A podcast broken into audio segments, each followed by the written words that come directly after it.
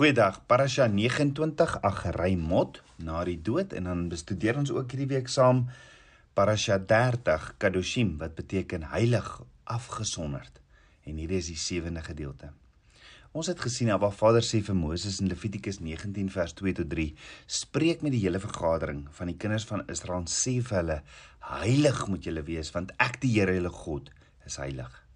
Elkeen moet sy moeder en sy vader vrees en my Sabbat hou. Ek is die Here julle God. Nou hierdie woordjie vrees in Hebreëus is yare wat beteken eerbiedig, vereer en hoogag. Dis om Appa Vader te dien met ontzag. Dis om respekvolle vrees vir ouers te hê.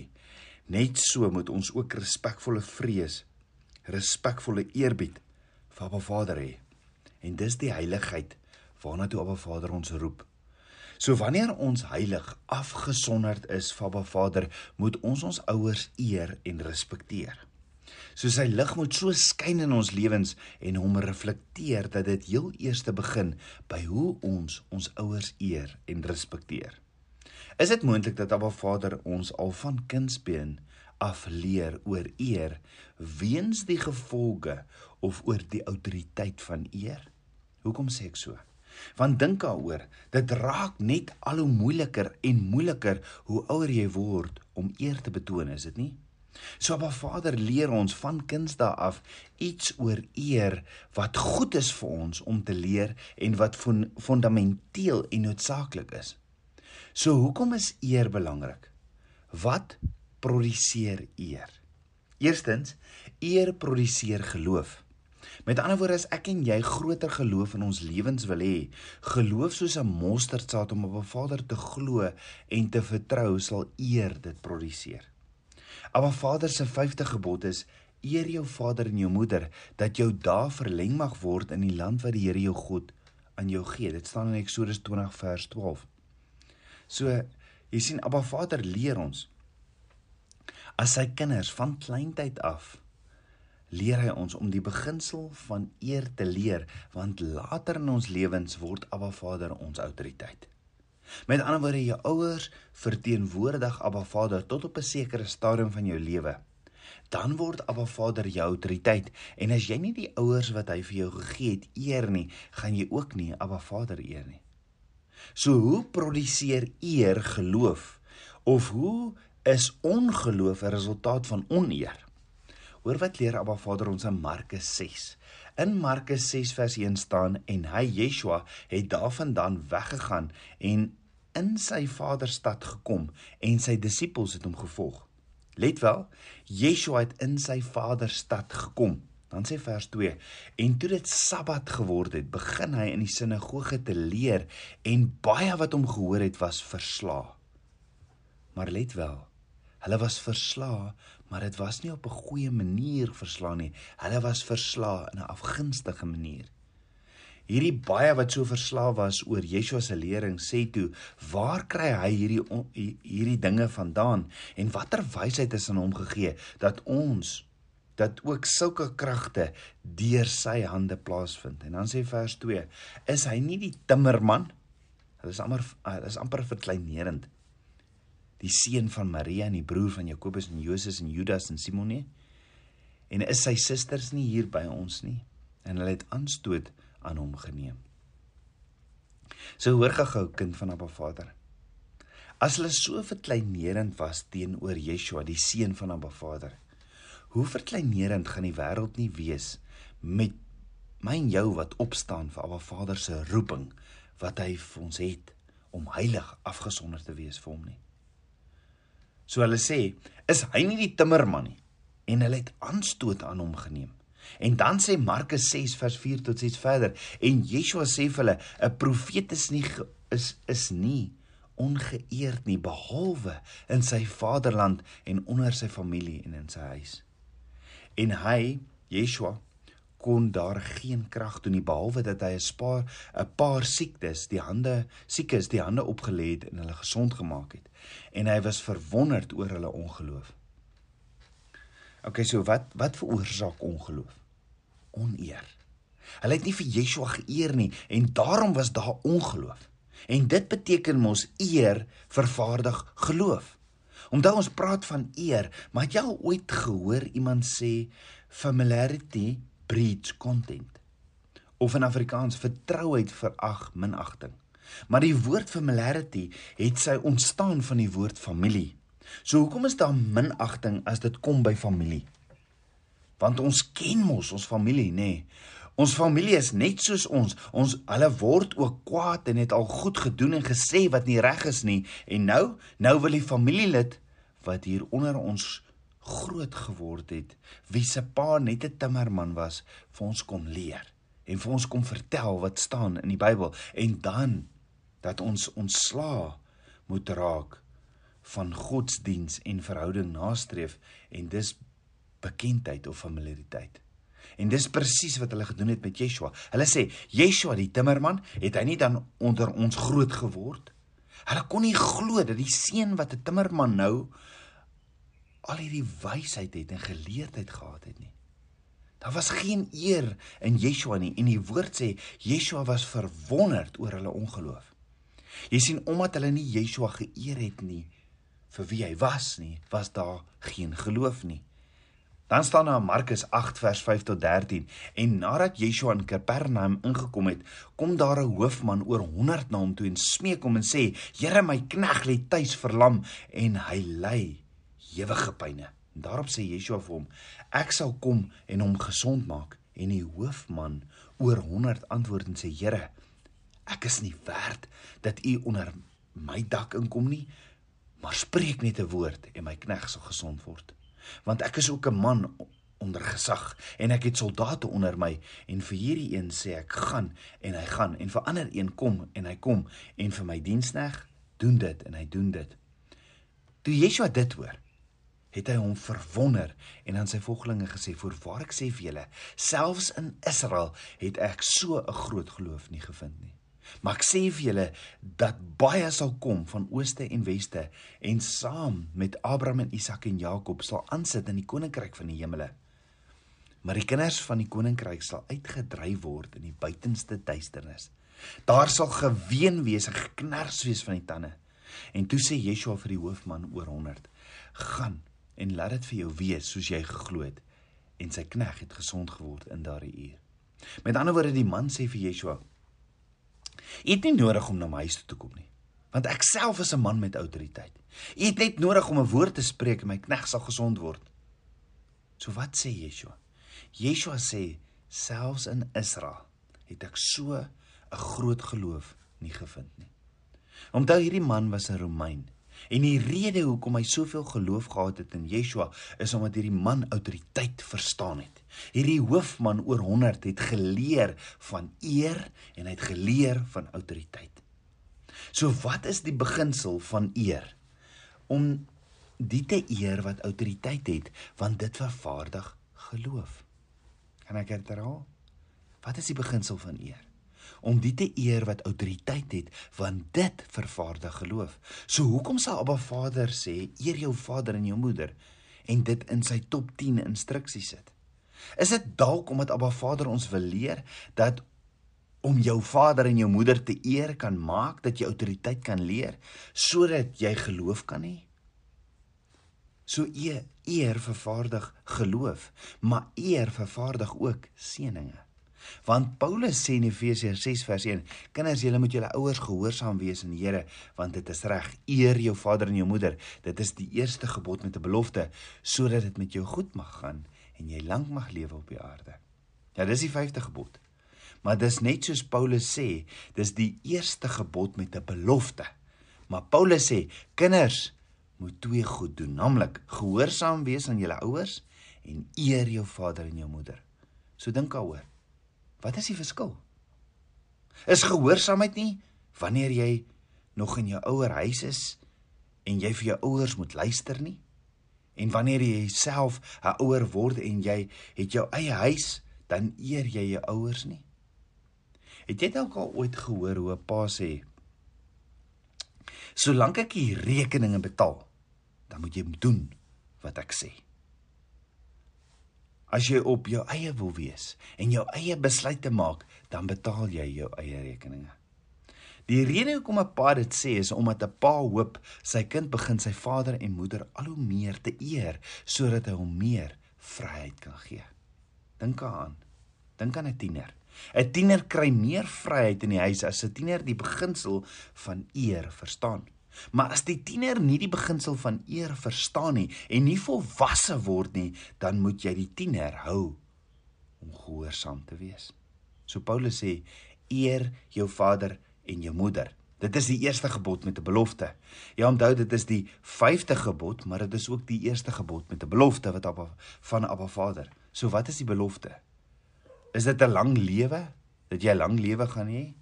Ja, dit is deel daarvan, maar die belofte is dat die dinge met jou goed sal gaan en dat jy lank mag lewe. Dink daaroor. Hoeveel keer sien ons kinders van dieselfde familie, kinders met dieselfde ouers, dan sien jy met een kind gaan dinge baie goed, maar met die ander kind gaan dinge nie so goed nie. Dis dieselfde ouers en selfde wêreld waarin al twee lewe, maar hoekom gaan dit met die een kind so goed en met die ander een is daar soveel moeilikhede? Maar Vader se vyfde instruksie is: dit sal goed wees, dit sal goed met jou gaan as jy jou vader en jou moeder eer. Is dit dalk moontlik dat die een kind sy ouers eer en die ander dalk nie, want daar's 'n belofte as ons hierdie instruksies van eer jou vader en jou moeder eer. Paulus sê ook in Romeine 13 vers 1 tot 2: Laat elke mens hom onderwerp aan die magte wat oor hom gestel is, want daar is geen mag behalwe van God nie. En die wat daar is is deur God ingestel sodat hy wat hom teen die mag versit die insettinge van God weerstaan. En die wat dit weerstaan sal hulle oordeel ontvang met ander woorde Abba Vader leer ons van kindsdae af om heilig afgesonder te wees en te eer want daar gaan ander gesagte ook op ons pad kom wat ons gaan moet eer en Paulus sê laat elke mens onderwerp Nou die woord onderwerp beteken to subject oneself to obey. So dis om jou te onderwerp sonder enige vrae, want jou lewe kan daarvan afhang. Dis om gehoorsaam te wees sonder enige vrae. Dis om eer te gee aan die een wat autoriteit van Abba Vader af ontvang het. Die wat autoriteit van Abba Vader af ontvang het, het die reg om gehoorsaamheid af te dwing en te beveel. Hulle het die vermoë om in te druk in Abba Vader se onmeetbare krag en daarom moet ons hulle eer.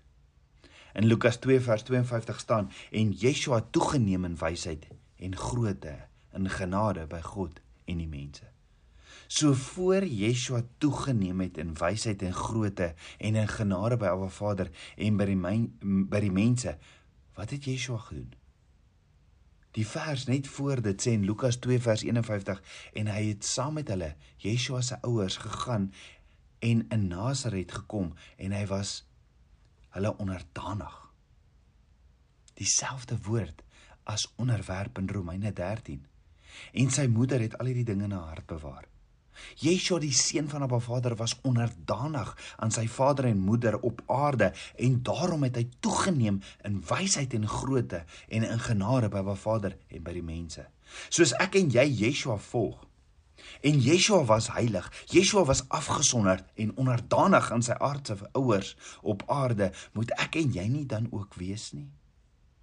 So kom ons gaan terug na die opdrag in Levitikus 19 vers 2 waar Ba Vader vir Moses sê: "Spreek met die hele vergadering van die kinders van Israel en sê vir hulle: Heilig moet julle wees want ek die Here julle God is heilig." Nou hierdie opdrag neem ons terug na die aankoms van Israel by die berg Sinai toe waar Abba Vader deur Moses vir die volk gesê het in Eksodus 19 vers 4 tot 6: "Julle het self gesien wat ek aan die Egiptenaars gedoen het."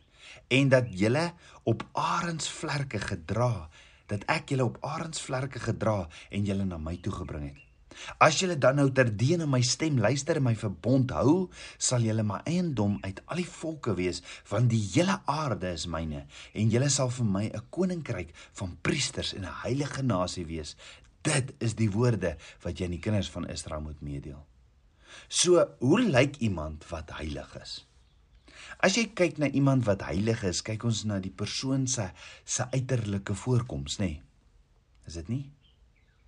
Maar na die nie net na dit nie, maar na die karakter en die hoedanighede van 'n persoon wat heilig en afgesonderd is. Hoewel voorkoms 'n aanduiding van heiligheid kan wees, is dit nie die maatstaf waarmee heiligheid gemeet word nie. Sou ons Yeshua kon sien vandag, sou ons wel geweet het hoe Abba Vader se heiligheid lyk, nê? Nee. Want Yeshua het egter gesê in Johannes 14 vers 9, hy wat my gesien het, het die Vader gesien. So ons weet ook dat Yeshua die woord, die Torah van Abba Vader is wat vlees geword het Johannes 1 vers 1. En daarom weet ons hoe heiligheid lyk wanneer ons na Abba Vader se Torah kyk. Ons sien Yeshua in die Torah en daarom weet ons hoe heilig heiligheid lyk. Om des heilig te wees soos Yeshua heilig is, is om te dink te praat en te doen wat die woord ons leer. Hoor gou-gou wat sê Paulus aangaande die woord in Romeine 7 vers 12. Dit dis is die wet heilig en die gebod heilig en regverdig en goed. Met ander woorde, Abba Vader se wet, sy Torah, is die volmaakte wet van vryheid want dit maak ons vry van die slawerny van sonde. En dan sê Romeine 6 vers 16 tot 18: Weet julle nie dat aan wie julle julself as diensknegte tot die beskikking stel om hom gehoorsaam te wees, julle diensknegte is van hom aan wie julle gehoorsaam is nie, of van die sonde tot die dood of van die gehoorsaamheid tot die geregtigheid? Maar ons dank God dat julle wel diensknegte van die sonde was, maar van harte gehoorsaam geword het aan die voorbeeld van die leer wat aan julle oorgelewer is en vrygemaak van die sonde het julle julle diensbaar geword aan die geregtigheid. Met ander woorde deur gehoorsaam te wees aan Abba Vader se hele woord maak ons vry van sonde sodat ons diensbaar aan Abba Vader se geregtigheid kan wees. Elkeen van ons wat Abba Vader se woord Shema wat beteken Heer listen nou by, sal gelukkig wees in alles wat hy doen en sal ge geheilig afgesonder wees. Jakobus sê in Jakobus 1 vers 25, maar hy wat diep insien in die volmaakte wet van die vryheid en daarby bly, hy sal omdat hy nie 'n vergeetagtige gehoorder is nie, maar 'n dader van die werk gelukkig wees in wat hy doen. Met ander woorde, om op 'n Vader se woord te shema. Die Here is nou by, by by geloof in Yeshua. Dit begin by geloof in Yeshua. As ons Messias wat die volle prys kom betaal het vir ons aan die houtkruis en opgestaan het 3 dae later uit die dode. In Johannes 1 vers 46 staan Filippus het Nataneel gekry en vir hom gesê ons het hom gevind aan wie Moses die wet en ook die profete geskryf het, Jesus die seun van Josef van Nasaret. Hoorie wat sê Filippus vir Nathanael? Hy sê ons het hom gevind van wie Moses in die wet, die Torah en ook die profete, die geskrifte geskryf het. Met ander woorde, hulle het hom Yeshua gevind en geglo van wie daar geskryf word in die woord. Dan later sien ons Nathanael sê self vir Yeshua in vers 50: "Rabbi, U is die seun van God. U is die koning van Israel. Yeshua is die een. Hulle het hom gevind. Jy sien deur geloof in Yeshua as die eenmalige offer word ons geheilig, afgesonder. Want Hebreërs 10 vers 14 sê ook, want deur een offer het hulle vir altyd volmaak die wat geheilig word. Ook staan in Hebreërs 12, ag Hebreërs 2 vers 11, want hy wat heilig maak, sowel as hulle wat geheilig word, is almal uiteen. En dan staan daar in Hebreërs 12 vers 14: Jaag die vrede na met almal en die heiligmaking waar waarsonder niemand die Here sal sien nie. Met ander woorde, in kort om heilig afgesonder te wees. Onthou heilig beteken kadosh wat beteken afgesonder te wees is om die liefde van Abba Vader en sy woord toe te laat om om ons te deurdrink en ons gedagtes, ons woorde en ons dade te vernuwe totdat ons gelykvormig aan Yeshua ons Hoëpriester, die lewende woord word en ons instrumente van aanbidding vir Abba Vader word. So wat is die teenoorgestelde van heilig of afgesonderd? As heilig of afgesonderd mos beteken om te dink, te praat en te doen wat Abba Vader se woord ons leer, dan is die teenoorgestelde om anders te dink en te praat en te doen as wat sy woord ons leer dan nie. Dit is om te doen soos die wêreld Egipte dinge doen. En daarom is ongehoorsaamheid aan Abba Vader se woord die teenoorgestelde van om heilig of afgesonder te wees van Abba Vader. Daarom sê Abba Vader in Levitikus 22 vers 9: Hulle moet dan my ordeninge onderhou dat hulle weens die heilige gawes geen sonde op hulle laai en daardeur sterwe nie omdat hulle dit ontheilig het. Ek is die Here wat hulle heilig. So Abba Vader wil hê ons moet heilig wees. Waar ons gaan en dit is is is is so totaal teenstrydig met met wat ons vandag in die wêreld sien.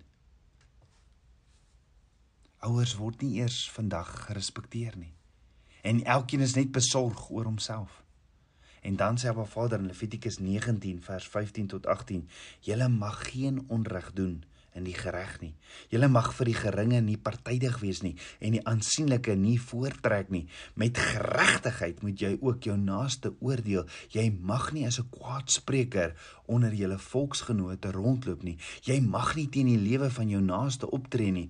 Ek is die Here. Jy mag jou broer van jou hart nie haat nie. Jy moet jou naaste vrymoedig vrymoedig berispe sodat jy om sy ontwil geen sonde op jou laai nie. Jy mag nie wraakgierig of haardraand teenoor die kinders van Israel, jou volk wees nie, maar jy moet jou naaste lief hê soos jouself. Ek is die Here. Maar dink daaroor, wie is jou naaste?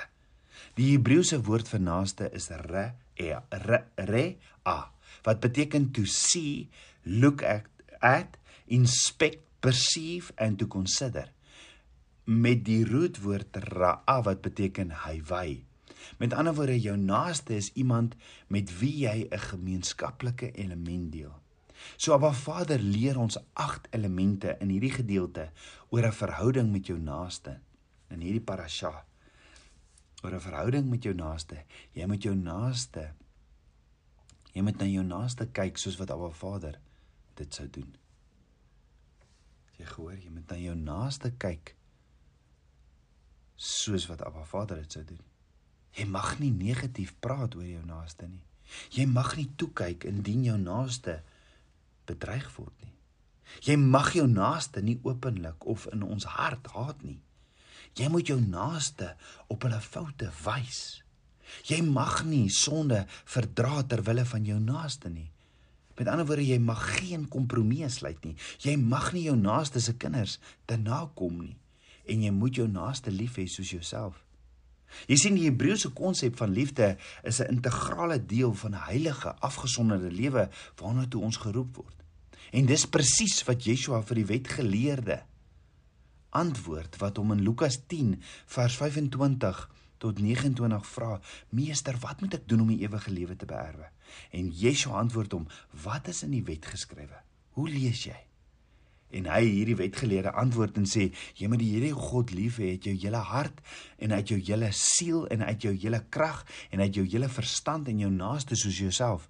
En toe sê Yeshua vir hom: Jy het reg geantwoord. Doen dit en jy sal lewe. Maar hy wou homself regverdig en sê vir Yeshua: En wie is my naaste?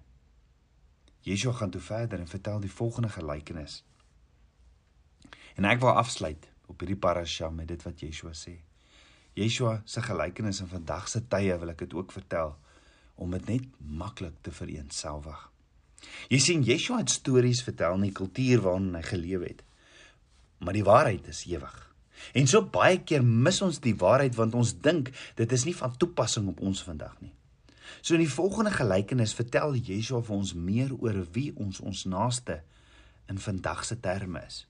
So in die volgende gelykenis vertel Yeshua vir ons wie is ons naaste in vandag se terme. En hy vertel: Daar was 'n ou man wat eendag op N1 gery het. Ek vertel dit in vandag se terme.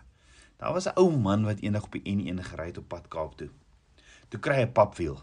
Hy klim toe uit en net toe hy klaar sy spaarwiel opgesit het, spring af vier boewe uit die bos, slaan hom en vermink hom en jaag weg met sy kar. Bebloed lê hy op die pad op die N1.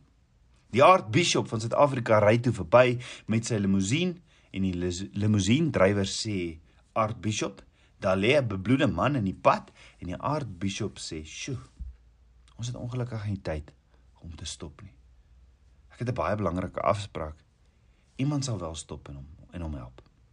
Die volgende kar wat verbykom is 'n pastoor wat op pad is na 'n diens wat hy moet bedien oor barmhartigheid en dink by homself, "Sjoe, ek sou hom so graag wou help, maar maar ek is laat."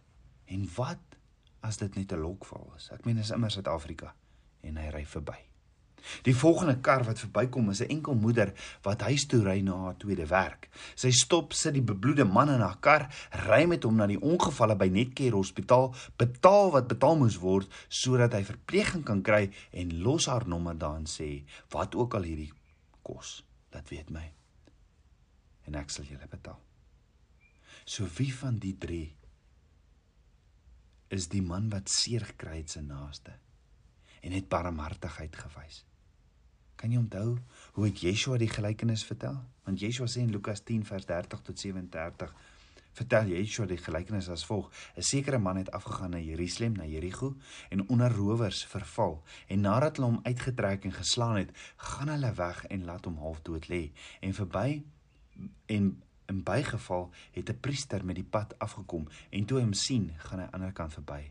En net so het ook 'n leviet by die plek gekom en hom gesien en aan die ander kant verbygegaan. Maar 'n sekere Samaritaan wat op reis was, het op hom afgekom en toe hy hom sien, het hy hom nig jammer gevoel en hom gegaan, sy wonde verbind en olie en wyn daarop gegooi en hy het hom toe op sy op sy pakdier gehelp en hom na 'n herberg geneem en vir hom gesorg. En toe hy die volgende môre weggaan, haal hy twee pennings uit en gee dit aan die eienaar van die herberg en sê vir hom: "Sorg vir hom en enige onkoste wat jy nog mag hê, sal ek jou betaal as ek terugkom."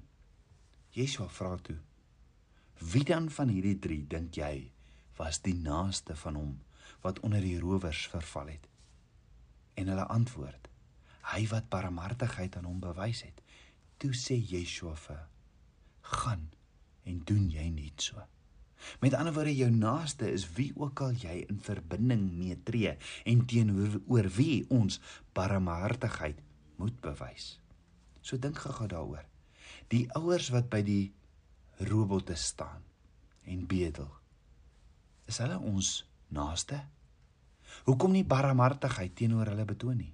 En dalk sê jy ja, maar ek gaan nie vir hulle geld gee nie want hulle koop drugs. Dalk moet ons weer daaroor dink. Want hoor wat sê Yeshua in Matteus 5 vers 42: "Gaan gee aan hom wat jou iets vra en wys hom nie af wat vir jou wil leen nie. Wat by jou wil leen nie." Dan sê Spreuke 3 vers 28: "Sê nie vir jou naaste nie, sê nie vir jou naaste nie, gaan en kom terug, dan sal ek môre gee terwyl jy dit het nie."